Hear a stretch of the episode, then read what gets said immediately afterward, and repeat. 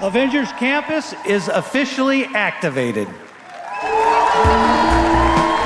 our valued guests, do take special care to supervise your children.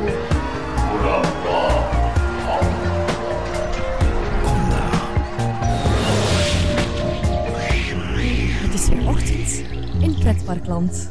Goedemorgen pretparkland en welkom bij je ochtendelijke pretpark podcast. Mijn naam is Erwin Taats Danny van der Weel en ik waren in de Walt Disney Studios voor de opening van Avengers Campus.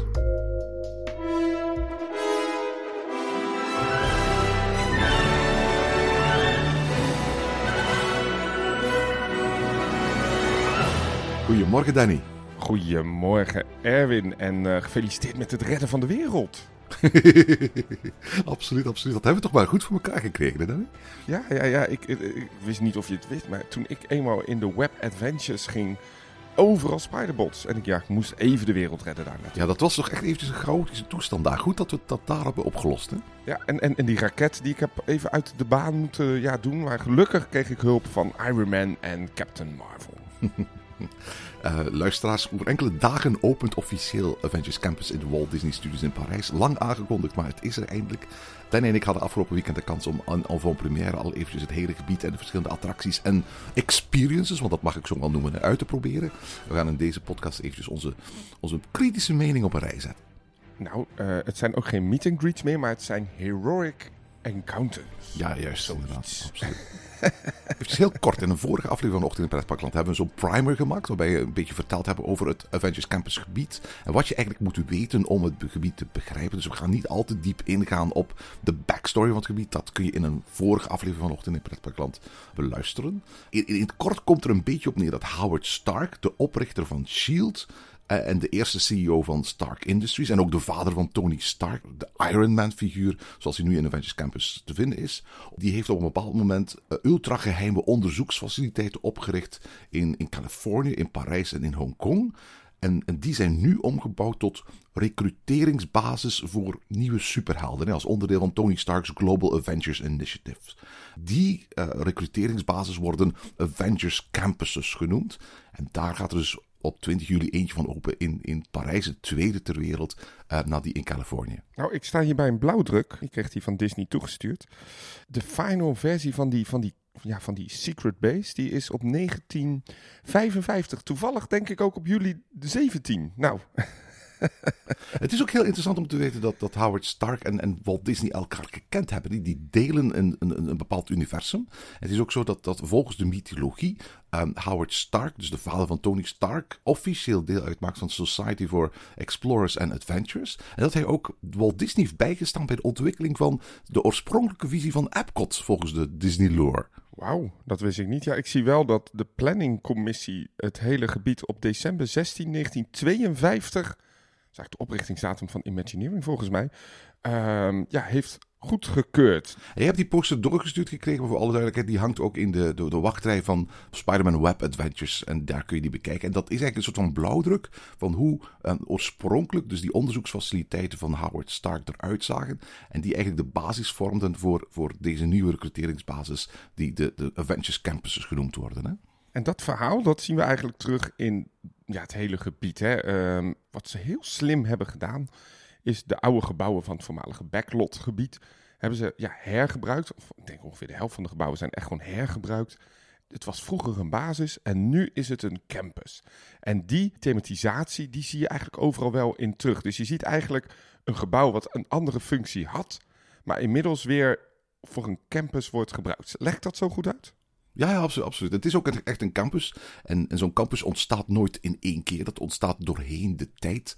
En dat betekent ook dat, dat niet alle gebouwen er exact hetzelfde uitzien of exact dezelfde stijl hebben. Maar dat het een beetje een ratje toe is van stijlen en architecturale vormen die doorheen de tijd, eigenlijk sinds de jaren 50 er gebouwd zijn. En die nu een campus vormen van allerlei verschillende plekken die samengeplaatst zijn. Eh, wat wel raar is natuurlijk, is, en dat, dat, dat, dat, dat moet je mij eens uh, uh, vertellen wat jij daarvan vond, is hoe Amerikaans dit eruit zag. Ik bedoel, als dit als een geheime onderzoeksfaciliteit, als een geheime onderzoekscampus ooit gebouwd is in Parijs, dan zou ik, als ik Howard Stark was geweest, juist eerder Franse architectuur dan van die typisch Amerikaanse architectuur hebben gebruikt. Want anders denk ik dat de Fransen zich vragen zouden gaan stellen, wat is daar aan de hand? wat, is, wat, wat gebeurt hier in de, in de Walt Disney Studios Park? Ja, uh, absoluut. Wat, wat, wat, het is een hele generieke thematisatie eigenlijk. Hè? Um, de voorkant van Avengers Assemble Flight Force. Ja, dat ziet er ook wel een beetje uit als een regulier winkelcentrum. Dat is niet iets dat je denkt van wauw, heel erg vernieuwend. Um, en als je dan een beetje door dat hele gebied loopt, dan denk je van ja, dit, dit had voor mij net zo goed ook in, uh, in Orlando kunnen liggen. Of in, of, of Los Angeles, in, in Anaheim. Het is niet specifiek Frans inderdaad. Dan denk ik van, hmm, dit is wel een, hele andere keuze die het park heeft gemaakt. Nou, ik vond het architecturaal echt zeer.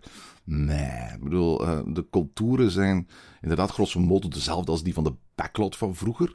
Met, met Web Adventures op de plek waar Armageddon stond. En Flight Force op de plek waar dus de Rock'n'Roller Coaster lag. En, en dat Hero Training Center op de plek van de entree van de Moteurs Action Stunt Show. Die overigens uh, er nog steeds staat. Althans, het gebouw met de tribunes, maar volledig aan het oog ontrokken is. En ik vond ook de zichtlijnen uh, uh, zeer twijfelachtig. Hè? Uiteraard torent Tower of Terror boven het hele gebied uit. Maar, maar eenmaal in het gebied kijk je ook echt gewoon op de gebouwen van Studio 1 en op het Cinemagique Theater. En, en ik had het gevoel met een knikje in de routing of een andere plaatsing van de buitenrij van Web Adventures hadden ze dat kunnen vermijden. Maar men heeft uiteindelijk vrij slaafs de, de oude indeling van dat parkgebied gevolgd. Hè? En dat was misschien wel mijn grootste feedbackpunt van het hele uh, gebied je ziet heel veel ruis. Het is natuurlijk, je zit op een campus en dan mag je best wel wat gebouwen eromheen zien. Dat is allemaal niet raar. Maar waar Disney voorheen echt hele gebieden maakte waarin je helemaal ja, in die wereld zat, word je eigenlijk heel snel uit die wereld gehaald. En er zijn een paar zichtlijnen die ja, onvermijdelijk zijn. De achterkant van het decor van uh, ja, de voormalige autostuntshow. Jij zegt dat is weggewerkt. Ja, het, het, ze hebben een poging gedaan, laat ik het zo zeggen. Ze hebben een poging gedaan, ja. En, en, het is echt heel erg aanwezig in het gebied. Het is ook gewoon met ja, foamdoek, of hoe dat ook precies heet. Dat is dat, dat, dat ja, doek waar ook reclamemateriaal op wordt uh, gedrukt. Hè. Dat is een beetje doorlatend, een beetje licht- en luchtdoorlatend. Dus je ziet eigenlijk ook nog de constructie erachter. Je ziet heel goed Toy Story Playland. Uh, voornamelijk die, uh, ja, hoe heet dat ding, die RC Racer. En wat mijn grootste feedbackpunt was, ik keek naar die stuntshow op de daken, komen we zo nog wel even op. En je ziet gewoon heel erg de Tower of Terror. Maar dan van de achterkant. En dan kom je er eigenlijk achter dat die achterkant van die Tower of Terror eigenlijk niet zo heel mooi is. Hij is ook nooit echt gethematiseerd, zoals bijvoorbeeld de achterkant van Tower of Terror in Disney's Hollywood Studios in Orlando wel volledig is afgewerkt. Daar wisten ze dat je die vanaf de parkeerplaatsen, vanaf de aanlegstijger waar de boten arriveren, heel goed kon zien. Dus daar hebben ze die langs de voor- en achterkant perfect afgewerkt. In, in, in, in, in Disneyland Parijs, althans in de Walt Disney Studios, is de Tower of Terror op zo'n manier gepositioneerd uh, dat oorspronkelijk die achterkant eigenlijk niet zichtbaar was voor de gewone parkbezoeker. Die is pas later eigenlijk zichtbaar geworden en die is nu in één keer heel erg zichtbaar geworden.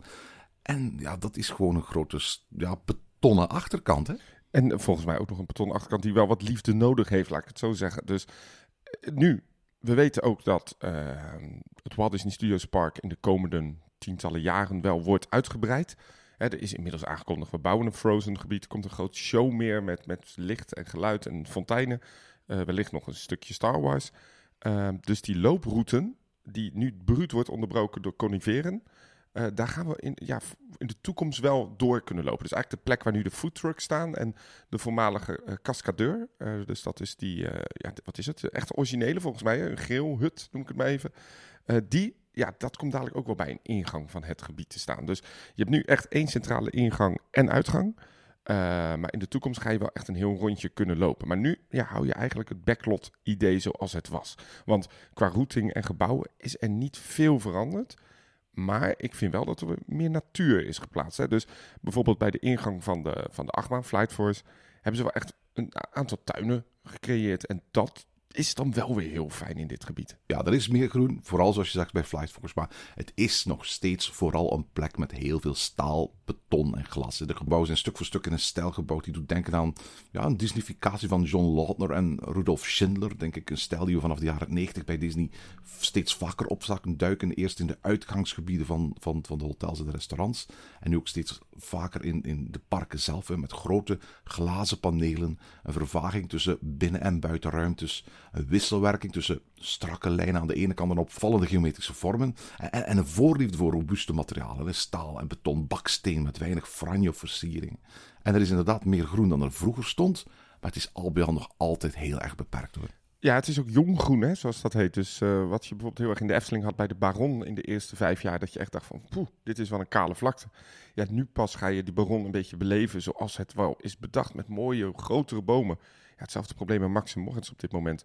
En ook de Walt Disney Studios, ja, daar heeft men niet de oude bomen bewaard. En ik vind dat toch altijd een beetje jammer, want als je dan bijvoorbeeld ziet bij een, een, een heel ander park in Toverland, hebben ze een hele outdoor gebied geplaatst, maar daar zijn wel echt volwassen bomen ja, hergeplaatst. Die zijn verplaatst vanuit een ander gebied. Ja, dat geeft wel gelijk een heel andere vibe in zo'n gebied. Ja, de, de, de Walt Disney Studios, maar ook het Disneyland Park heeft ernstig behoefte aan een waterattractie. Zeker in die warme, ja, Franse zomermaanden. En dit gebied, nou, dat, dat, dat heeft weinig schaduw. En ja, dat gaat heel warm worden. Absoluut. Het is ook een, een, een heel luid themagebied. En daarmee bedoel ik uh, een themagebied met veel prikkels overal. Hè. Uh, door de speakers schalt een, een medley aan Marvel-muziek. En dat is werkelijk overal, in elke hoek, in elke kier van het gebied. Die muziek is al niet heel erg zen, maar daarnaast is er overal entertainment. De Guardians of the Galaxy doen dance-offs. Er zijn stuntshowtjes op de daken van de Worldwide Engineering Brigade, zoals het gebouw van Spider-Man heet. Uh, er is een AI-bot die Friday heet aan de ingang van, van, uh, van Flight Force, die ook de hele tijd boodschappen uh, brengt. Het is echt geen rustige plek. Je, je, mag geen Adventureland of zo verwachten, maar er komt echt een soort van overload aan impulsen op je af die op geen enkele manier stopt. Wellicht een beetje zoals de film zelf. En dat was ook ergens wel wat te verwachten. Maar het viel me echt op hoor. Ja, en, ik moet zeggen, dat voor mij was het juist het sterkste punt van dit hele gebied. Dat was die beleving. De Walt Disney Studios vind ik heel vaak gewoon echt een, ja, niet een heel fijn pretpark. Er gebeurt te weinig, er is te weinig dynamiek. En ik liep nu in Adventure Campus en ik dacht van wow, er gebeurt elke keer wat. Je kunt echt gewoon twee uur, tweeënhalf uur door het gebied lopen zonder iets te doen. En continu nieuwe dingen ervaren. En dat komt voornamelijk vanwege het live entertainment. En dat was mijn optiek heel, uh, echt heel goed. Ja, je moet zeggen, van, er was een soort van komen en gaan van, van, van, van, van acts en van experiences. Uh, er was niet een moment van, van stilte of rust. Uh, waarbij er op een bepaald moment niks te beleven viel. Dat was aan de ene kant heel erg indrukwekkend, maar ik stelde mij ook de vraag: gaat dat straks ook bij wijze van spreken op een doordeweekse donderdag in februari ook het geval zijn? Nou, hele goede vraag. Ik uh, moet wel zeggen, ik, ik, ik ben vijf uur lang mocht ik uh, door een relatief stil gebied lopen, weinig bezoekers. ik had de ervaring om eigenlijk bijna alles te zien. En ik, ik kom maandag weer thuis. Ik kijk op Twitter en ik zie dat er weer nieuwe shows waren die ik nog helemaal niet had gezien. En toen dacht ik van wow, er zit wel echt heel veel in. Hè? Dus je zou bijna kunnen zeggen dat, dat, dat, dat, dat je echt wel een flink aantal uren moet doorbrengen. Wil je echt die hele Marvel-ervaring met al die characters, met al die mini-shows, uh, met de stuntshow die op de daken valt, die ook in drie delen is ontwikkeld. Dus die, bestaat ook uit drie verschillende shows. Ja, ik, ik, ik, ik vond dat dus echt wel heel bijzonder. En dan gaan we een beetje een term geven die we, die we niet vaak noemen. Dat heet dwell time. Hè. We hebben het wel eens eerder in de podcast gezegd. Oftewel de tijd die je doorbrengt in een park zonder eigenlijk iets te doen. Maar waardoor je wel vermaakt wordt. Ja, de Walt Disney Studios, of het Walt Disney Studios Park zoals het officieel heet. Dat had dat wel echt nodig. En ik dacht wel van ja, dit, als ze dit volhouden, gaat het in mijn optiek echt een schot in de roos zijn. Want ik vond het echt heel goed dat geldt natuurlijk voor, denk ik, Marvel-fans die vertrouwd zijn met, met, met die figuren en met die films. Die vertrouwdheid, zoals al in menig eerdere podcast vanochtend in het ook verteld uh, is, die is er bij mij veel minder. Dus als daar een aantal geschminkte uh, mevrouwtjes tevoorschijn komen en een dansje doen, dan heb ik daar veel minder begrip voor. Althans, ik, ik snap niet wat, wie zij zijn en wat zij daar doen. Misschien kun je dan ook vragen van Erwin, wat doe jij daar? Maar ik kan me niet voorstellen dat, dat, dat letterlijk elke bezoeker evenveel zal afweten van wat daar aan de hand is. Ik snap ook wel als, als Thor een act doet waarbij je een, een, een aantal mensen de kans geeft om zijn, om zijn ehm, eh, hamer eh, op te tillen, dat iedereen wel ongeveer zal weten wat daar de bedoeling achter is. Het is ook geen, geen groots theater, voor alle duidelijkheid. Het zijn kleine straattheateracts, waarbij, voor alle duidelijkheid, waarschijnlijk de meest spectaculaire de stuntshows zijn. De driedelige stuntshow die zich op de daken uh, van, van, van Avengers Campus afspeelt. En waarbij gezegd moet zijn dat waarschijnlijk het spectaculairste element van de allereerste Avengers Campus, de Stunttronic, een soort van Spider-Man animatronic die echt door de lucht kan vliegen. En die echt, denk ik, ja, als het ware het meest besproken element was toen Avengers Campus in Californië opende. Dat we die in Parijs niet gekregen hebben. Ik, ik heb de Amerikaanse variant niet uh, nog mogen zien, uh, helaas. Uh, maar wat ik mij daar heel erg afvroeg, bijvoorbeeld zo'n die Spider-Man show. bestaat het dan uit één show met die Stuntotronic, of hoe dat ook heet? Um, of bestaat het ook uit meerdere type shows waar je Spider-Man kan zien? Er zijn meerdere type shows. Uh, uh, niet alle shows bevatten overigens Spider-Man. Er zijn ook shows waar Spider-Man niet uh, aan deelneemt. En pakweg om het half uur is er dan als het ware een soort van intermezzo waarbij Spider-Man eventjes door de lucht moet klieven en ze dus die Stuntronic lanceren. Oh, ja, ja, ja. Want, want hier in Adventure Campus heb je dus... Um, wel een Spider-Man show waarin hij heen en weer loopt. Hij komt ook af en toe gewoon op de daken meet and greets doen. Hè. Uh, ik zag op uh, Twitter ook dat hij op een toren zat ineens bij de ingang van het gebied. Um, ja, ik, ik, ik, vind dat wel. Ja, ik vind het zelf wel heel leuk eigenlijk. Dus ja, dat is dan misschien ook een beetje smaak natuurlijk. Maar ik, ik miste niet die Stuntotronic. Maar ja, dat, dat is ook een gezegd. Hè. Wat je mist, dan mis je het ook niet. Weet je wat, wat ik vooral had um, um, toen ik het park bezocht, um, en, en datzelfde geldt ook voor jou, was er amper iemand. Ik denk dat we in, samen met een paar honderd mensen als het ware in het hele themagebied waren. En dat betekent dus dat er eigenlijk heel veel ruimte en heel veel plaats was om op een goede manier naar die shows te gaan kijken, die, die, die kleine voorstellingen te gaan kijken. Maar ik kan me wel voorstellen straks, als daar letterlijk duizenden bezoekers binnengaan, dat het helemaal niet zo voor de hand liggend zal zijn. Je weet hoe mensen vandaag zijn. Hè? Ik bedoel, ze zien ergens iets van entertainment, ze halen hun, hun, hun iPhone uit hun broekzak en ze beginnen te filmen. Ja, je vergeet nog de magneetwerking hè, die dat heeft, want dat zagen we nu ook. Hè? Uh, bijvoorbeeld wat, de, de strijders vanuit Wakanda, de Dora Milage, volgens mij. Het zijn die, die, die kale vrouwen die vanuit uh, Black Panther komen. Oh, dat waren die, die vrouwen die ik daarnet bedoelde, juist. Oh, die bedoelde je. Nou ja, laten we daar heel even kort over hebben. Want, want dat vond ik echt het, het hoogtepunt van het gebied. Hè. Ik vond dat zo goed, die soundtrack. Uh, die vrouwen komen op als echt hele sterke strijders. Als echt wauw-moment. Ik, vond dat, ik kreeg daar echt kippenvel van. Ik herkende dat natuurlijk ook dan uit de films. En ik merkte in het hele gebied een soort wauw-moment. En ze begonnen daar een dans te doen voor Flight Force. En daarna liepen ze naar de, de, de locatie waar de show plaatsvindt. Dus ze hebben op, in het gebied, ik heb dat nog even nagevraagd bij Disney, vijf echte showlocaties. Dit was de showlocatie vlakbij Stark Factory. En er was een soort magneetwerking die ik zelden in een pretpark heb gezien. Het is, nou ja, als je Mickey Mouse over de, over de Main Street laat lopen, heb je dat ook. Hè? Dan gaat die hele Main Street duikt op Mickey Mouse af. En dit was op die drie vrouwen. En wat ik heel goed vind aan die act, is de techniek die erachter zit het geluid volgde echt die act. En de hele ambiance van het gebied werd ook aangepast op die acten. Dus wat jij zei net van, er is geen moment rust, dat klopt. Maar die momenten waar die acts plaatsvinden, verandert die hele soundscape van het hele gebied daar zo. En die speakers die volgden echt ook die dansact. Ik, ik vond dat qua dans, qua interactie echt, echt een briljante act. Maar ik herkende het dan ook van de film. En ik, kreeg zelf ook daar een beetje kippenvel uh, van. Maar het was wel zo dat toen ik bijvoorbeeld op een bepaald moment richting Flight Force wilde wandelen, was er een showtje bezig op de daken van de Brigade. Daar stonden op dat moment, ondanks het feit dat het absoluut niet druk was, zoveel mensen te kijken, dat ze eigenlijk de volledige looproute richting uh, Flight Force blokkeerden. En dat eigenlijk bijna niet mogelijk was om op een normale manier langs en tussen mensen naar, naar Flight Force te gaan. En ik dacht van, oké, maar ik ben hier nu op een persdag waar, waar, een paar honderd mensen zijn. Wat wordt het als hier straks een paar duizend mensen zijn? Ja, nou, dat is zeker ook waar ik eh, heel benieuwd naar ben. Um, we kennen ook de beelden van uh, Europeanen die uh, graag bij parades en shows de bosjes vertrappen, op locaties gaan staan om het toch te zien. Want twee van die showlocaties die bevinden zich ook echt op de, op de vloer zelf, hè, op, de, op, op, op de grond. Ja, dan zien alleen de eerste drie, vier rijen dat natuurlijk goed. Uh, drie showlocaties bevinden zich echt op de daken van het gebied. Eigenlijk uh, op die Web Adventures uh, ride. Er staat niemand voor je. Maar ik ben heel benieuwd hoe dit crowd technisch gaat. Mm. Bijvoorbeeld die looproute van die Dora Milage. Als ik dan toch een verbeterpunt mag zeggen. Is heel tof dat ze voor die Quinjet staan. Het is tof, maar niet slim hè?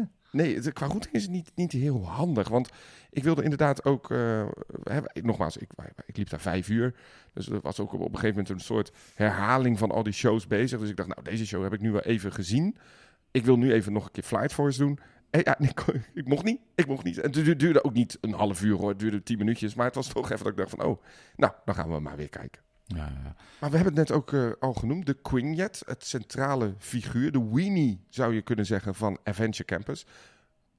Vond dat wel indrukwekkend. Wat was jouw mening daarover? Wel, ehm, de, de, de, de Quinjet is inderdaad het ruimteschip van de Avenger die helemaal achter in het themagebied staat. Eigenlijk, en de ingang markeert van, Flight Force. Het is gepositioneerd op een pedestal rechts van de ingang van, van, van, van Flight Force. Een beetje ongeïnspireerd gebaseerd op de X-Wing rechts van de ingang van Star Tours in het andere park. Ik, ik vond het een, een fraai en een groot ding. En, en de structuur waarop hij geparkeerd staat is, is, is een zwierig postament geworden. Ik moet wel zeggen dat het plaatsen van decoratieve sci-fi voertuigen in de lucht een beetje een belegen Imagineering trucje begint te worden. Hè? Van de, de Moonliner raket in Tomorrowland in Anaheim tot de Star Blaster bij Cosmic Rewind in, eh, in Epcot. Ik heb het gevoel dat het al zo vaak gebeurt dat het een soort van Imagineering cliché aan het worden is. Maar voor alle duidelijkheid, in de Walt Disney Studios werkt het wel als, als aandachtstrekker en als focaal punt van het gebied. Ik had wel het idee dat. ehm, ik, ik heb natuurlijk de beelden en de video's ook van jou eh, gezien. Volgens mij heb je me zelfs een keer gefacetimed toen je in eh, Star Wars, eh, het Star Wars gebied liep in, in Orlando en zelfs in Anaheim. Daar zie je de, de Millennium Falcon. Maar die, die spuit rook, die maakt geluid, die is beweging. Dit is wel echt een statisch figuur. Hè? Er zit wat lichteffect in s'avonds, maar ik miste een beetje van... dit is een echt voertuig eigenlijk. Ja, klopt. Het is wel zo dat af en toe op op het balkon ervoor Avengers, of in elk geval een Marvel-figuur, ik weet niet of ze allemaal Avengers zijn, komen poseren. Die, die staan dan ja, niet echt te zwaaien, maar, maar wat, wat, wat eh, bewegingen te maken die blijkbaar passen bij hun, hun karakter. En dat zorgt dan voor de kinetica, bij wijze van spreken, die niet aanwezig is in de Quinjet zelf. Absoluut, ja. Ja, We hebben het eh, eigenlijk heel erg gehad over al die...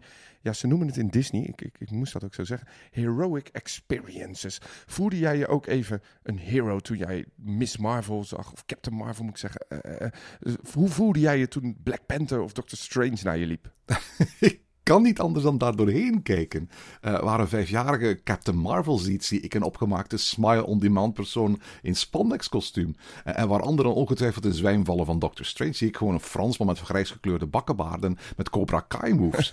het, ligt niet aan Disney of aan Marvel. Ik snap dat daar voor een groot deel van het publiek juist de aantrekkingskracht van dit themagebied zal liggen, maar het is gewoon minder iets voor mij. Dat is bijvoorbeeld ook de reden dat ik niet in het trainingscenter ben geweest, waar je echt op de foto kunt met de figuren. Dat heb jij wel gedaan, hè? Absoluut. Ik, eh, wij mochten naar binnen. En eh, nou ja, je komt toch. we- Weet, je wat leuke is van nieuwe attracties bezoeken? Je, je, je gaat echt een beetje op ontdekking weer in een nieuw gebouwtje. Dan kom je binnen in een wachtruimte en dan mag je gewoon zitten. Je mag een beetje in het binnentuintje kijken, waar ook de characters voorbij lopen die die showtjes doen. Eh, je ziet een aantal kluisjes. Het is, het is een soort ontvangstruimte voor de dokter, had ik een beetje het idee. En je gaat echt op bezoek bij of Spider-Man of Captain Marvel of je gaat eh, naar Iron Man. Nou, ik had Iron Man en eh, later op de dag Spider-Man. En eh, ik moet je heel eerlijk zeggen, Erwin, ik had mijn eerste echte wow-moment waren die Dora Milaje, vond ik echt heel gaaf. Het tweede wow-moment heb ik echt beleefd in het training center. En dat was, ja, ik liep naar binnen bij Iron Man. We kennen die meet greets van Disney al natuurlijk eerder met, met, met Darth Vader, et cetera. Maar die begon in het Engels tegen me te praten. Interactie, ik kon met hem vragen stellen. We konden poses doen in een heel fraai, intiem ja, locatie. De, de training centers, een sportschool eigenlijk van in dit geval Iron Man. Ik vond dat wel heel tof toen Iron Man voor mij ineens ja, die move deed dat zijn handen oplichten. Ik, ik, had daar wel een beetje kippenvel van. Ik, ik, ik was even een kleine Danny weer. Dat ik dacht van, oh, dit vind ik heel leuk. Ik wil dit echt geloven dat dit echt Iron Man is. Ja, jij vertelde nu dat je zowel Iron Man als Spider-Man gezien hebt. We moeten er voor de eerlijkheid bij zeggen dat dit gereserveerde eh, ervaringen zijn die je via de app op tijd moet gaan reserveren. En waarbij je als bezoeker maar één van die experiences eh, per dag zult kunnen reserveren. Dus je zult, het is niet mogelijk dat je ooit zowel Iron Man als Spider-Man op één en dezelfde dag als gewone bezoeker zult kunnen gaan eh, bekijken. Hè? Ja, ik, wij hebben een mooie ervaring gehad. Ik heb ook de ervaring mogen doen dat ik, zo, zo, zo noemen ze dat, de state-of-the-art camera system will immortalize your performance. Nou, dat zijn twee en, ik dacht 27 camera's die tegelijkertijd een foto maken. Die staan in een soort, ja, 180 graden opstelling. Waardoor als je dan een pose maakt met Iron Man, dat je een soort ja, bewegend beeld krijgt in de, in de Disney Fotopass eh, eh, app. Eh, en achteraf hoorde ik dat dat dus nog een keertje extra 15 euro kosten. Ja, want het zit dus niet inbegrepen in, ook al heb je Fotopas, eh, dus het, het, digitale fotosysteem van Disney, uh, betaald op je abonnement of bij je entreekaartje, dan zijn die foto's niet inbegrepen in dat systeem. Dan moet je inderdaad nog eens 15 euro extra voor betalen. Wat eigenlijk van die experience een soort van betaalattractie maakt eigenlijk. Hè? Bij mij was het alleen bij Iron Man. Dus um, voor mij hebben ze twee locaties waar ze meet and greets kunnen doen, of twee kanten. Uh, ik had nu Spider-Man en Iron Man. En Iron Man was echt uh, met, die, met, die, met die fotomomenten. Bij Spider-Man was dat niet. Oh ja, oké. Je moet ook een beetje geluk hebben. Maar ik, een dag later stonden er weer andere figuren in het gebied. En was Iron Man niet te bezoeken, maar was het Captain Marvel. Wat, wat trouwens wel heel uh, leuk is om te vertellen, is dat ze dan ook de meet and greet locatie aanpassen met het logo van het character. Dus je komt nu binnen en op de achtergrond stond een groot logo van in dit geval Iron Man en later bij mij Spider-Man. Maar ik zag op andere foto's dat ze daar het hele achterkantje hadden veranderd. Dus ja, ja, ja. ze passen het ook echt aan aan de character. En belangrijk voor onze luisteraars om te weten is dat inderdaad de, de, de characters veranderen van dag tot dag. Maar Spider-Man is altijd een optie. Dus normaal gezien zou je altijd in staat uh, zijn om Spider-Man te reserveren. Misschien moeten we het even hebben, Erwin, over Spider-Man. Want we, nou, we hebben hem ontmoet, we hebben hem gezien op de daken met een uh, show. Maar we kunnen hem ook nog als Tom Holland ontmoeten. Ja, als uh, Tom Payba moet ik eigenlijk zeggen. Want, want uh, hij spreekt alleen maar Frans in de attractie, hè? Oei, oei, Tom, uh, Tom Payba. We hebben het over de attractie Web Adventure. is één van de twee echte attracties in het themagebied. En eigenlijk de enige echt nieuwe attractie. Want Flight Force, de andere, is een, een, een herthematisering van de bestaande Rock'n'Roller Coaster. De nieuwe Dark Ride heet Web Adventure. U bezoekt een technologisch innovatiecentrum waar jonge genieën de kans krijgen om allerlei dingen uit te vinden ten voordele van het, het uh, Adventure Initiative.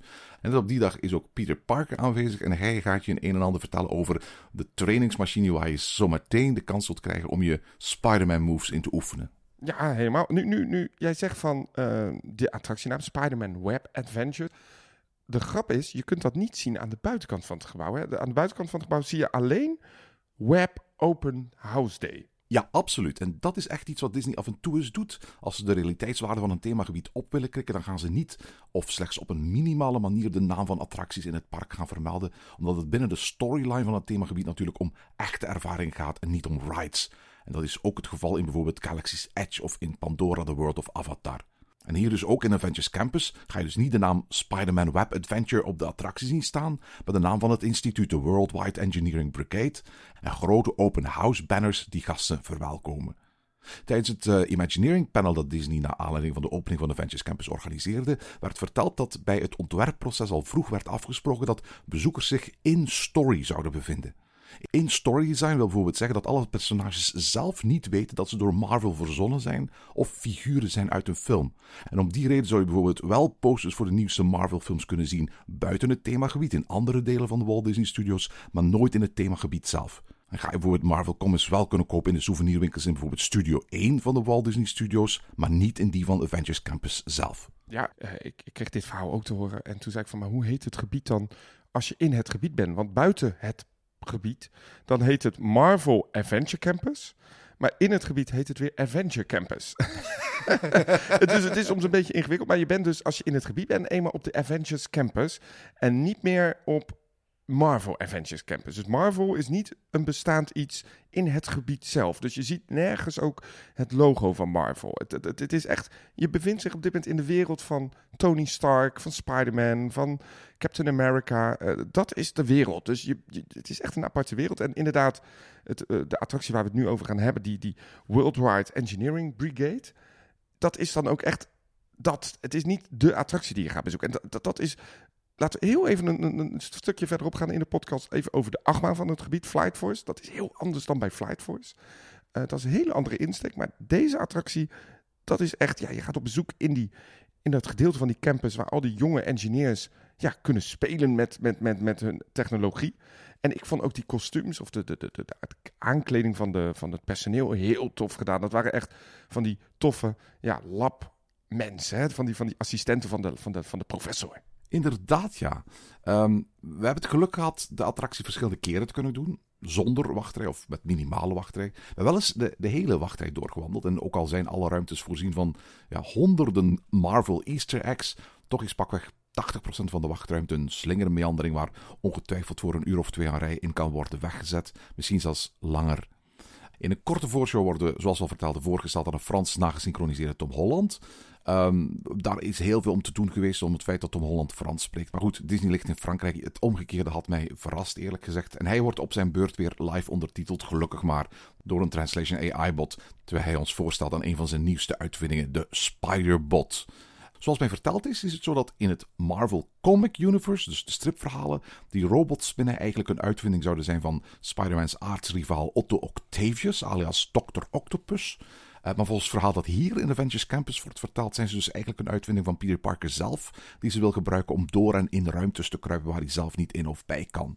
Nu, standaard pretparkverhaaltje. Tijdens de demo van de Spiderbot slaat er eentje op hol en gaat hij zichzelf dupliceren. En van 2 komen er 4 en van 4 komen er 8 en van 8 komen er 16. En zoals allemaal sinds de pandemie weten, levert dit soort exponentiële vermenigvuldiging doorgaans weinig goeds op.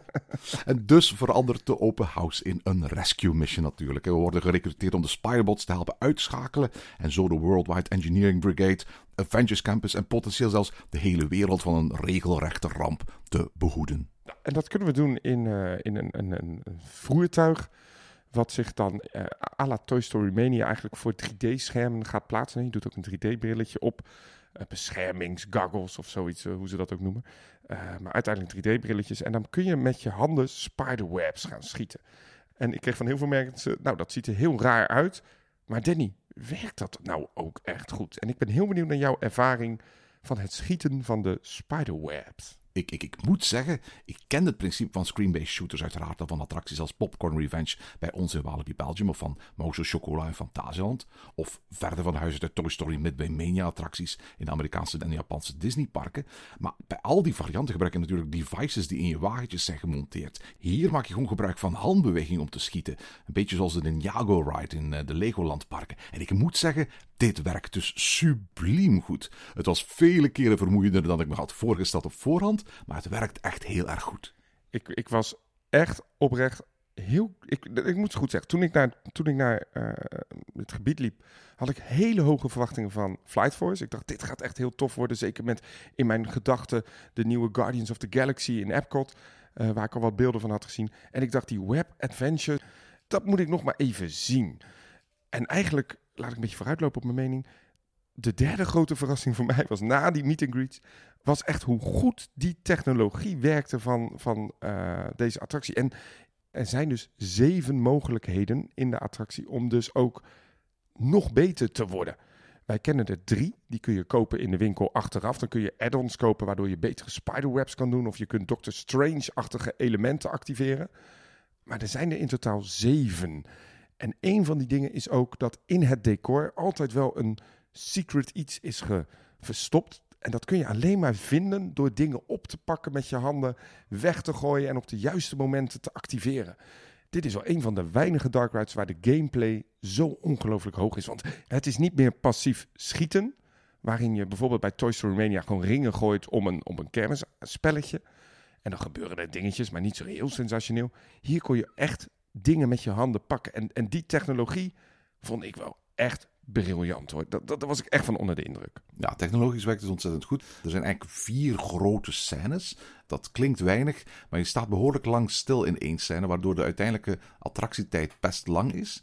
Bij elke scène uh, ga je als het ware tekeer om zoveel mogelijk spiderbots uh, kapot te maken. Een beetje ook wat je bijvoorbeeld doet in, in Popcorn Revenge in, in, in, in Walibi Belgium. Alleen denk ik dat het nog hectischer is. En vooral door het, het, feit dat je je pistooltje niet vastzit, maar dat je gewoon met je handen alle mogelijke kanten uitgaat, wordt het al heel snel een hele hectische bedoeling. Moet ik wel zeggen, ik heb altijd de kans gehad om het, de attractie uh, met z'n tweeën te doen. En we hadden dus telkens echt behoorlijk wat ruimte in de karretjes. En ik vroeg me ook, als hier straks mensen per vier plaatsnemen. Uh, en je zit bijvoorbeeld bij mensen die je helemaal niet kent. Hoe groot is dan de kans dat je ergens per iemand een klap geeft die naast je zit in de hectiek van de attractie? Ja, ja, ja je moet wel opletten, ja. dat is zeker zo, ja. Ik, ik, ik vond... Um ik, ja, wat ik zeg, ik vond, ik vond de techniek heel bijzonder. Het, kost je ook echt wel even moeite. Wij hebben de attractie volgens mij allebei uh, op meerdere momenten gedaan. De eerste keer had ik echt een lage score en ik was helemaal onder de indruk. En ik doe hem de tweede keer. En toen kreeg ik een beetje het trucje door hoe je dingen moest oppakken en gooien. En de derde keer dat ik het deed, werd ik nog beter. Dus ik vond, wat ik heel leuk vond, was die herhalingswaarde van deze attractie. Wat ik niet heb in Mauzo uh, Chocola of uh, Toy Story Mania. Ik vind dat vrij een beetje saaie attractie zelfs. Ik snap de hype daar echt niet van. Hier had ik echt het idee, nou, ik ga hem echt nog een keer doen. Maar op een gegeven moment moest ik echt stoppen, want ik had echt pijn in mijn armen. Ja, absolu- absoluut. Dit is geen attractie die zegt van, stel dat er geen wachtrij stond, eh, wat het geval was toen wij er waren, eh, van ik ga die snel eventjes twee, drie keer naar elkaar doen. De derde keer lig je armen echt uitgeput in je, in je schoot. Hoor. Waar, ik altijd een beetje last bij heb bij, bij attracties als bijvoorbeeld de Mouse Chocola, is dat je wordt gerecruiteerd omdat er een muizenpest is uitgebroken. En dan ga je als het ware met slagroom en chocomousse spuiten eh, die, die, die, die muizen uit de bakkerij gaan, gaan afschieten. Dat is allemaal wel goed en wel. Maar, waarom blijkt het systeem van, van in één keer ook te beschikken over een soort van scoresysteem waarbij je tegelijkertijd punten moet, moet halen? Eh, eh, en op dat moment verliest als het ware het verhaal een klein beetje aan belang, omdat je eigenlijk meteen ontdekt dat het eigenlijk maar een spelletje is. Datzelfde heb je hier ook een beetje. Er komen geen puntenscores op het scherm, zoals bij, bij, bij Mouse Chocolade geval is, of zoals bij Mania het geval is. De scores komen op een apart schermpje eh, dat voor je staat eh, in je wagentjes. Maar uiteindelijk blijkt het allemaal wel een game te zijn. Als je uitstapt, dan staat er ook gewoon thank you for playing op, op, op dat scherm. En dat doorbrak wat mij betreft ook een beetje de storytelling achter het gegeven. Ja, eh, wat ik wel bijzonder vond van die, eh, van die puntentelling is dat ze worden samengevoegd. Dus je, hebt niet meer, eh, je speelt niet tegen elkaar, maar met elkaar. En je speelt ook met de mensen achter je in het wagentje, ook al zie je die helemaal niet. Nou, en dat vond ik dan ook wel weer leuk aan de attractie. Is dat elk scherm net een andere invalshoek in de scène heeft. Dus je, je, je wordt per twee karretjes gedispatcht. Dus je gaat steeds een scène rijden in met twee schermen, als het ware. Het ene karretje kijkt ook echt links de scène in en het andere karretje rechts de scène in. En er zit ook wel aan de rechter en de linkerkant van de attractie ook echt wel andere elementen. Het linkerscherm heeft net iets andere setup dan het rechterscherm, waardoor er ook andere effecten in zitten. En dat vond ik zelf ook wel heel leuk om de herhalingswaarde hoog te houden. De Amerikaanse fans noemen het wel eens een C-ticket met D-ticket ambities. Een D-ticket omwille van de uiteraard hele belangrijke IP die eraan gekoppeld is. Maar een C-ticket omwille van uiteraard de, de, de vrij beperkte en korte beleving. Maar ik denk wel dat dit een hit zal worden. En dat, dat zeker de jongere bezoekers eh, dit wel eens de tofste attractie van de hele Walt Disney Studios zullen vinden. En ik vond het echt waar, dat meen ik oprecht, de leukste interactieve attractie die ik tot nu toe heb gedaan. Ik vond het echt wel beter dan een Toy Story Mania en Lightyear. Weet je, ik, ik, ik, ik, heb erover getwijfeld, maar mijn uiteindelijke verdict ligt nog altijd bij, bij Toy Story Media Mania. En dat heeft eigenlijk te maken met het feit dat je bij Toy Story Media Mania heel veel verschillende spelletjes doormaakt. Het is niet zo dat elke scène die je, die, die, je daar doet, je op dezelfde manier bezig bent. De ene keer gooi je met ringen, de andere keer ben je bezig met raketten af te, af te gooien. Voor een andere scène gooi je borden stuk met ballen, et cetera. Eh, de afwisseling bij Toy Story Mania is vele keren groter. En voor alle duidelijkheid, de manier waarop de finale van Toy Story Mania echt een soort van versnelling van het tempo inzet. Tot je bij wijze van spreken uitgeput in het karretje zit van de hoeveelheid schoten die je hebt af, af laten gaan. Eh, die miste ik ook bij ehm, eh, Spider-Man. Oké, de tegenstanders worden in elke scène iets spectaculairer en iets groter. Maar uiteindelijk wat je doet van scène tot scène verschilt wezenlijk niet. Nou ja, kijk, dat is het mooie van, eh, van meningen. Ze kunnen daarin eh, iets veranderen. Ja, ik, ik vond juist die gameplay wel in- indrukwekkend. Maar goed, inderdaad, ik ben het eens ook wel wat je zegt. Van dit is een, een hele goede infill-attractie eigenlijk. Hè? Dus dat is wat je zegt. Het is een hele goede toevoeging in het gebied. Ehm, maar laten we het dan toch hebben over de e-ticket ride van het gebied. Hè? Want eh, we hebben het dan toch mooi over die terminologie van Disneyland. E-ticket is dan de hoofdattractie van het, eh, ja, het park, het gebied. Waarin je echt denkt van wauw, hier zou ik extra voor willen betalen om het te beleven. Hè? Dat was vroeger een beetje het idee.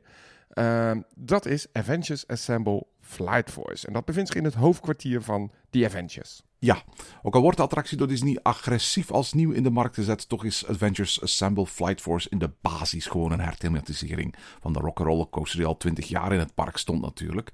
Met dezelfde treinen, weliswaar anders gethematiseerd, op hetzelfde spoor die na lancering hetzelfde parcours als vroeger afleggen. Alleen, Tour de Fox Records heeft plaats moeten maken voor het Avengers HQ. De rock'n'roll prularia in de wachtrij zijn ingewisseld voor grote posters van de Avengers. En de voorshow met Steve Tyler en de rest van Aerosmith zijn ingeruild voor Iron Man en Captain Marvel. En via een groot videoconference scherm in de wachtrij kom je meer over het verhaal te weten. En maar niet alleen over de background story van het verhaal, maar ook over Adventure Campus, maar wereldwijd. Ik weet niet of jij het opviel. Klopt. Maar ehm, Friday, hè, die informeerde Tony Stark van er is iets aan de hand. We hebben je hulp nodig. We hebben nog een adventure nodig. En die ging dus mensen op dat scherm bellen. Waaronder bijvoorbeeld The Guardians of the Galaxy. En toen kwam die Raccoon, ehm, nou, een Rocket volgens mij heet hij. En ehm, die wel, ja maar hallo, ik ben hartstikke druk. Ik heb hier helemaal geen tijd voor. Ik heb mijn eigen problemen hier in dit gebied. En dat was een verwijzing naar de attractie die de, de Tower of Terror overlee in, in Disney's California Adventure. Oftewel Guardians of the Galaxy Mission Breakout. Ook werd er contact gezocht met een andere figuur, wat dan weer op het nieuwe cruiseschip de Disney Wish bezig was. Uh, en er was zelfs een, een filmpje waarin, ja hallo, ik ben druk hier in Hongkong. dus er werd verbinding gezocht tussen alle gebieden. En, en, en waar we de podcast mee begonnen, hè, dat Tony Stark op drie locaties in de wereld zijn campus heeft. Uh, dat werd hier, kwam dat wel leuk samen. Vond ik echt een heel leuk detail. Ja, het achtergrondverhaal is dat de Kree, dat, dat, dat blauwe volk waar we het in onze primer over gehad hebben, dat zeer vijandig staat tegenover alle Avengers, maar ook alle mensen op aarde een reeks raketten richting ons hebben gelanceerd. Tony Stark is als een gek bezig op zoek naar Avengers die hem kunnen helpen om die Kree-raketten af te wenden. Uh, maar iedereen is bezig met zijn eigen problemen. Dus als we in de volgende ruimte oog in oog komen met de Iron Man uh, animatronic, blijkt dat wij zo'n beetje de enigen zijn die nog beschikbaar zijn om hem en Captain Marvel te helpen bij het afwenden van het grote onheil dat op ons af aan het komen is. Hij stond er vrij relaxed bij, uh, die animatronic voor Over die, die, die animatronic gesproken, dat is natuurlijk wel echt het, uh, het hoogtepunt volgens Disney van het gebied. Hè. Dit, dit is ook een hele indrukwekkende animatronic. En um, een animatronic die ook volledig elektrisch is aangedreven. Dus niet meer dat hydrauliek van bijvoorbeeld Pirates of the Caribbean. En dit is het enige figuur in heel Disneyland Parijs dat volledig elektrisch is. Uh, heeft 30 verschillende ja, movements. En ik stond daar, ik heb die, die voor een paar keer gezien. En ik zag inderdaad heel veel indrukwekkende bewegingen die echt alleen maar opvalt als je vooraan staat. Bijvoorbeeld het, pak zet zich ook uit. Zitten wat ja, luikjes in die af en toe open gaan. Uh, ik, ik, ik vond het echt een prachtige animatronic. Moet ik wel zeggen dat het typisch Disney anno nu is om een hele mooie animatronic te bouwen maar je daar geforceerd ook heel lang naar te laten kijken. Want ze dachten van dit kost heel veel geld. Je gaat er nu ook vijf minuten naar kijken.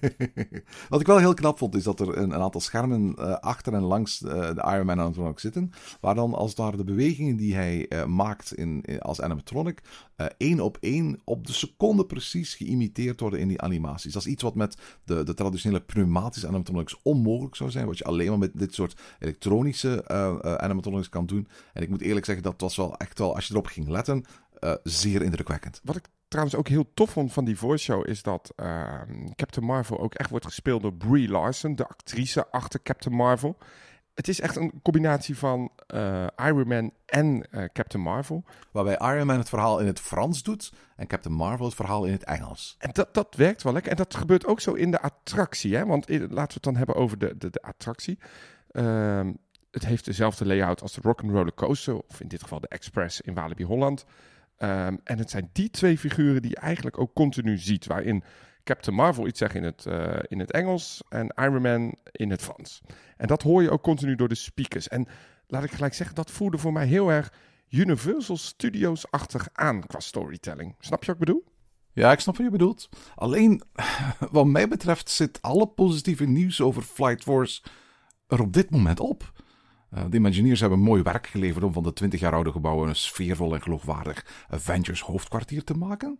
En ook al kan niks de cult van de Rock'n'Roller Coaster voorshow ooit vervangen, de pre-show met Captain Marvel is bijzonder impressionant. Maar, dat is de good.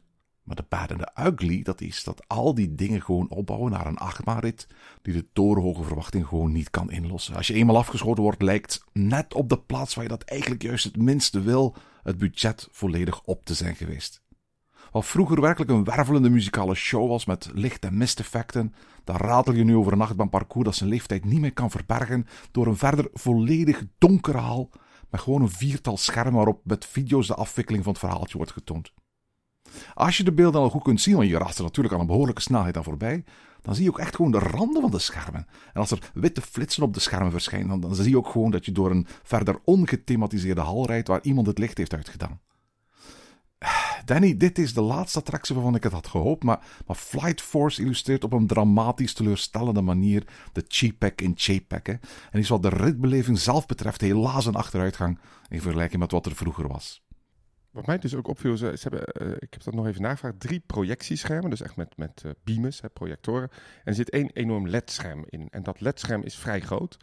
Uh, dat bevindt zich een beetje bij de eerste echt een hele grote bocht in de, in, in de layout. Uh, dat is na de, de eerste twee inversies.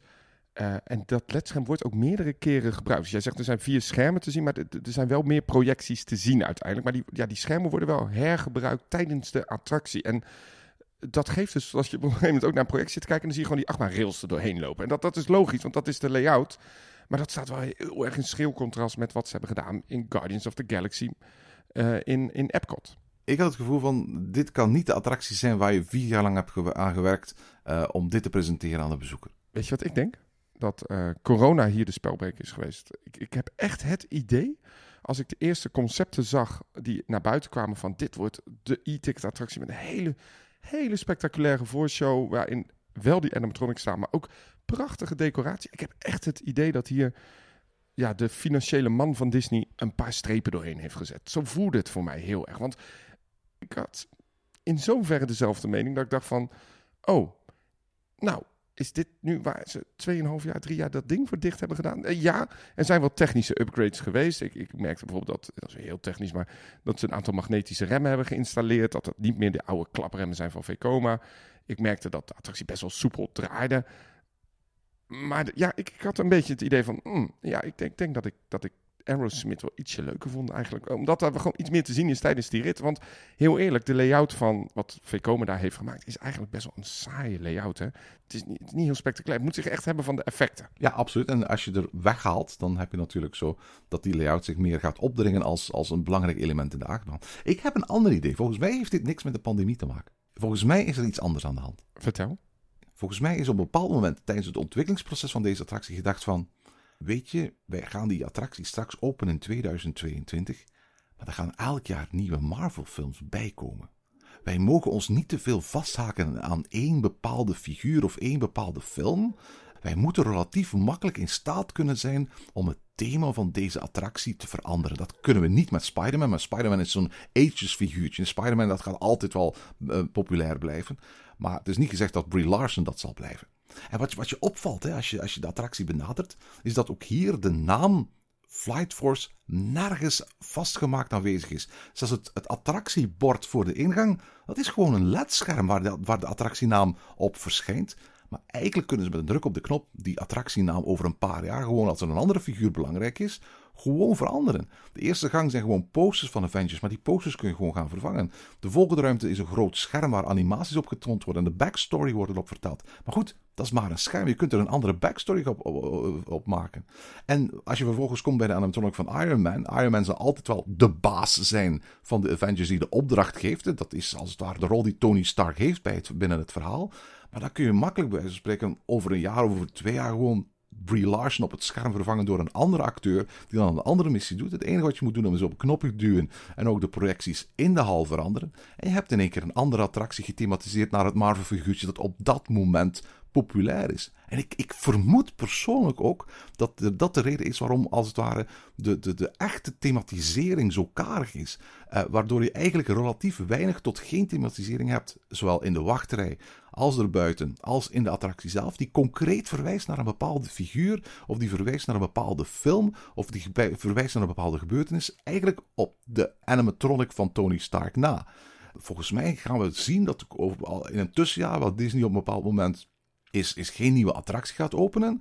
Dat we op dat moment gaan zien dat de grote nieuwigheid in de Walt Disney Studios Avengers Campus zal worden. Een, een nieuwe variant met een nieuwe naam, een nieuw thema en wat nieuwe videobeelden. En het gevolg van zo'n beslissing is natuurlijk dat je heel behoudsgezind moet zijn in de manier waarop je die attractie gaat thematiseren. Want alles wat je fysiek gaat toevoegen van effecten, of fysiek gaat toevoegen van, van animatronics, of fysiek gaat toevoegen van signage, dat ga je straks niet meer kunnen op een makkelijke manier omdraaien zodra je daar een ander thema aan wil geven. Volgens mij is het nu mogelijk om letterlijk met druk op de knop en wat andere videobeelden overnight die attractie gewoon een heel ander Marvel thema mee te geven. En dat is volgens mij de reden waarom die eruit ziet zoals die er nu uitziet. Ik heb die eh, discussie in een heel ander pretpark, een film pretpark ook gehad. Dat was in eh, Movie Park in Germany. Ehm, daar hebben ze natuurlijk ook de Movie Park Studios Tour eh achtbaan gedaan. En die heeft ook een Halloween overlay. En ik zei toen ook, met een druk op de knop kunnen jullie dus de hele sfeer veranderen. Hij zei, nou, het is iets ingewikkelder dan een druk op de knop. Maar wij kunnen binnen een uur de volledige content op alle schermen veranderen. Dus dat kost maar een uur om die attractie om te bouwen van een normale beleving naar een Halloween beleving. En inderdaad, ja, ik heb er eigenlijk niet over nagedacht. Wat jij hier zegt klinkt heel logisch. Ik, ik, ik zelf had ook nog een andere suggestie, ik dan even in de groep wil gooien. Uh, achtbanen hebben ook niet de eeuwige levensduur. Ik kan mij ook voorstellen dat Disney op een gegeven moment zegt dat deze attractie gewoon qua levensduur op begint te raken. En waarom zou je er nu dan heel veel geld nog in gaan investeren? Hè? misschien moeten op de duur gewoon een nieuwe achtbaan in. Uh, maar goed, ik, ik vind jouw uh, verhaal eigenlijk iets, uh, iets plausibeler. Nog even vermelden dat er ook nog twee restaurants, Pim Kitchen en Stark Factory in Avengers Campus zijn. Maar omdat deze tijdens de persopening in een andere vorm geopend waren dan straks vanaf 20 juli voor de gewone bezoekers, leek het ons interessanter en vooral eerlijker om op de restaurants nog eens terug te komen tijdens een volgende Grabbelton aflevering of zo. Dat we ze als een betalende bezoeker echt hebben kunnen uitproberen. In plaats van ons te baseren op de gratis samples die we afgelopen weekend van Disney kregen. Maar Danny, dat dan zijn we ook zo'n beetje rond in Avengers Campus, hè? Dan hebben we volgens mij het gebied een beetje gehad. Ik zie hier een foldertje. We hebben het gehad over Avengers, uh, over, de, over Flight Force, over Web, Training Center. Al met al eh, is, kunnen we toch concluderen dat dit echt een, een upgrade is van wat het was. Nu moeten we ook zeggen, het voormalige backlot was nou ook niet Disney's finest work. Hè? Inderdaad. Dus de vraag is, is, is, zeggen, is dit een verbetering? Um, ik zou daar een gemengd antwoord op geven. Ja en nee. Web Adventures is een verbetering voor Armageddon. Um, het entertainment is een verbetering. Uh, maar de placemaking is, is, is, is wat diffuus. Uh, en we gaan nog moeten zien hoe dat entertainment er op een wijze door de weekse dinsdag in, in, in november uit gaat zien. Uh, kijk, de Walt Disney Studios waren altijd al het lelijkste themapark van Disney. Maar daarop improven mag niet de standaard zijn waarmee je als Imagineering tevreden mag of kan zijn natuurlijk. Die lat ligt hoger en het vergelijkingsmateriaal ligt een paar honderd meter verder natuurlijk. Hè? Bij Frontierland, bij Main Street, bij Discoveryland, bij Fantasyland, bij Adventureland. En, en dan valt de Ventures Campus gewoon door de mand. Hè? Waar higher, further, faster beloofd wordt, is het vooral closer, lower en slower natuurlijk wat we krijgen. Hè? Dichter bij wat er stond dan wat ik had gehoopt lager van kwaliteit dan ik had gedacht. En vele keren trager gebouwd dan wat je van een al bij al beperkte restyling zou mogen verwachten. En zeker als je ziet dat Fantasieland in minder dan de helft van die tijd. En ook nog eens tijdens de pandemie heel Rookburg heeft gebouwd en geopend. Ja, het gevaar is natuurlijk dat, dat mensen ook die parken gaan bezoeken. En dat ook gewoon gaan vergelijken. Hè? En dat is natuurlijk, je, je moet het, het, het brede zien dan alleen Avengers Campus. En als je dan gewoon gaat kijken in het pretparklandschap wat er allemaal wordt gebouwd dan mis ik eigenlijk zelf in Adventure Campus ook nog gewoon een extra attractie erbij. Want er is nu geen capaciteit toegevoegd in de Walt Disney Studios. Ja, er is eigenlijk zelfs capaciteit verloren. Armageddon had een capaciteit van 1200 personen per uur, 200 personen per show. Terwijl de capaciteit van Web Adventures 980 personen is per uur. Dus in vergelijking uh, met, met Armageddon is de theoretische capaciteit achteruit gegaan. Uiteraard de capaciteit van Rock'n'Roll Coaster, dus uh, Flight Force, is dezelfde gebleven. Maar de capaciteit van de Moteur Action Stunt Show, die dus geschrapt is, dat is 5000 personen per voorstelling. En dat is gewoon geschrapt uit het themagedeelte. En dat snap ik toch niet, hè? Want ik snap dat je misschien nu nog niet weet wat je in de toekomst met dat theater wilt. Dus natuurlijk prime real estate voor je, voor je uitbreidingen. Aan de andere kant denk ik, je hebt de Avengers, die een missie moeten doen. Je hebt auto's. Combineer dat gewoon. Er zijn zoveel gave stunt sequences in, in, in die Marvel-films. Uh, er zit bijna in elke Marvel wel een spectaculaire achtervolging met auto's en helikopters en wat dan nog. Ik vind het heel erg jammer dat ze dat, dat die show niet gewoon hebben ja, betrokken in het gebied. Dat, dat had heel makkelijk gekund. En uh, volgens mij had je dan veel meer dingen toegevoegd in het park. Uh, nou ja, maar dan zelfs nog niet. Hè. Dus ik mis echt nog wel een attractie erbij. En misschien, even onpopulaire mening, Erwin hadden ze ook heel Production Courtyard er gewoon bij moeten betrekken. Dus die Stitch Live, het Studiotheater, de Disney Dream Factory, volgens mij heet dat nu. Maar ook, en ik weet dat dat niet een hele populaire mening is in de, in de scene, de Tower of Terror. Daar hadden ze voor mij best wel bij Marvel mogen betrekken. Ja, dat zou niet mijn optie zijn. Dan, dan, dan, dan, dan krijg je bij wijze van spreken wel een heel groot onevenwicht tussen Marvel en niet-Marvel attracties in het park. Dan gaat als het ware het Marvel gehalte wel echt doorwegen op de totale aanbod van, van, van, van belevingen in de Walt Disney Studios. Ja, maar weet je wat ik zeg? Ik vind het nu echt, als je binnenkomt in het park, een ratje toe van stijlen en thema's. Het is de Walt Disney Studios, hè, Danny? Ja, maar ik had eigenlijk een beetje de hoop dat ze nu met de rehab dat gelijk zouden trekken. Dat er iets meer balans komt in het park. Dus ik, nou goed, ik had zelf al gehoopt dat ze dat gebied erbij hebben gemaakt. Uh, maar goed, ja, wie ben ik? Ik ben geen Imagineer natuurlijk. Kijk, ik ben niet blind. Hè. Avengers Campus is hoogwaardiger dan wat er was. Maar datgene wat er was, had er gewoon nooit mogen zijn natuurlijk. Hè. Ik ben geen Marvel-kenner, maar ik kan me niet voorstellen dat de wereld van Marvel niet over over rijkere, over mooiere, over aansprekender locaties beschikt dan dit ja, generieke, steriele gebied eigenlijk. Hè. Toen ik dus Imagineers hoorde praten tijdens een seminar over hun ontwerp, leek het wel alsof zij van een andere planeet kwamen. Hè. Vijf jaar werken vertelden ze, met een trots alsof ze Frontierland of Adventureland uh, hadden gebouwd natuurlijk. Disney Imagineering kan gewoon beter. Kijk naar Pandora, kijk naar Carsland, kijk naar Galaxy's Edge, kijk naar Beauty and the Beast in Tokyo of kijk naar Treasure Cove in Shanghai. Walt Disney Studios in Parijs was het park dat de meeste TLC nodig had, hè, Tender Love and Care. En Avengers Campus kleeft er hier en daar een nieuwe pleister op, maar, maar, maar geen oude wonden. Hè. Daarvoor is het te karig, te standaard, te ongeïnspireerd. Misschien willen ze het wel, maar konden deze Imagineers het niet en hebben ze dan maar zoveel mogelijk budget uitgespaard op Marvel om straks de projecten van Michel Dundulk en Scott Trowbridge wel voldoende te kunnen funden. Hè. Het zou een troost zijn als dat het gevolg zou zijn, zou ik het niet erg vinden als uiteindelijk de Marvel-fase de minst interessante is van het transformatieproject van de Walt Disney Studios. En ik geloof uiteindelijk ook dat dat het geval zal zijn. Het is jammer, dat wel, maar begrijpelijk en niet onvergeeflijk. Dat elke zichzelf respecteerde Marvel-fan hier meer van verwacht zal hebben, dat snap ik, maar ik zou het een acceptabele trade-off vinden, mocht het betekenen dat er gewoon meer budget kan gaan naar wat er nog komt dan, dan naar wat er al is gebeurd. Ja, het is een verbetering. Ja, er staat een nieuwe leuke Dark Ride. En ik denk wel dat dit succes zal hebben, maar dit is geen Disney Kronkru. En tot zover deze aflevering van Ochtend in Pretparkland. Volg ons via het Pretparkland op Twitter, Instagram en Facebook of mail naar ochtend.pretparkland.be. Ochtend in Pretparkland is de pretparkpodcast voor vroege vogels. Bedankt voor het luisteren en maak er een fijne dag van.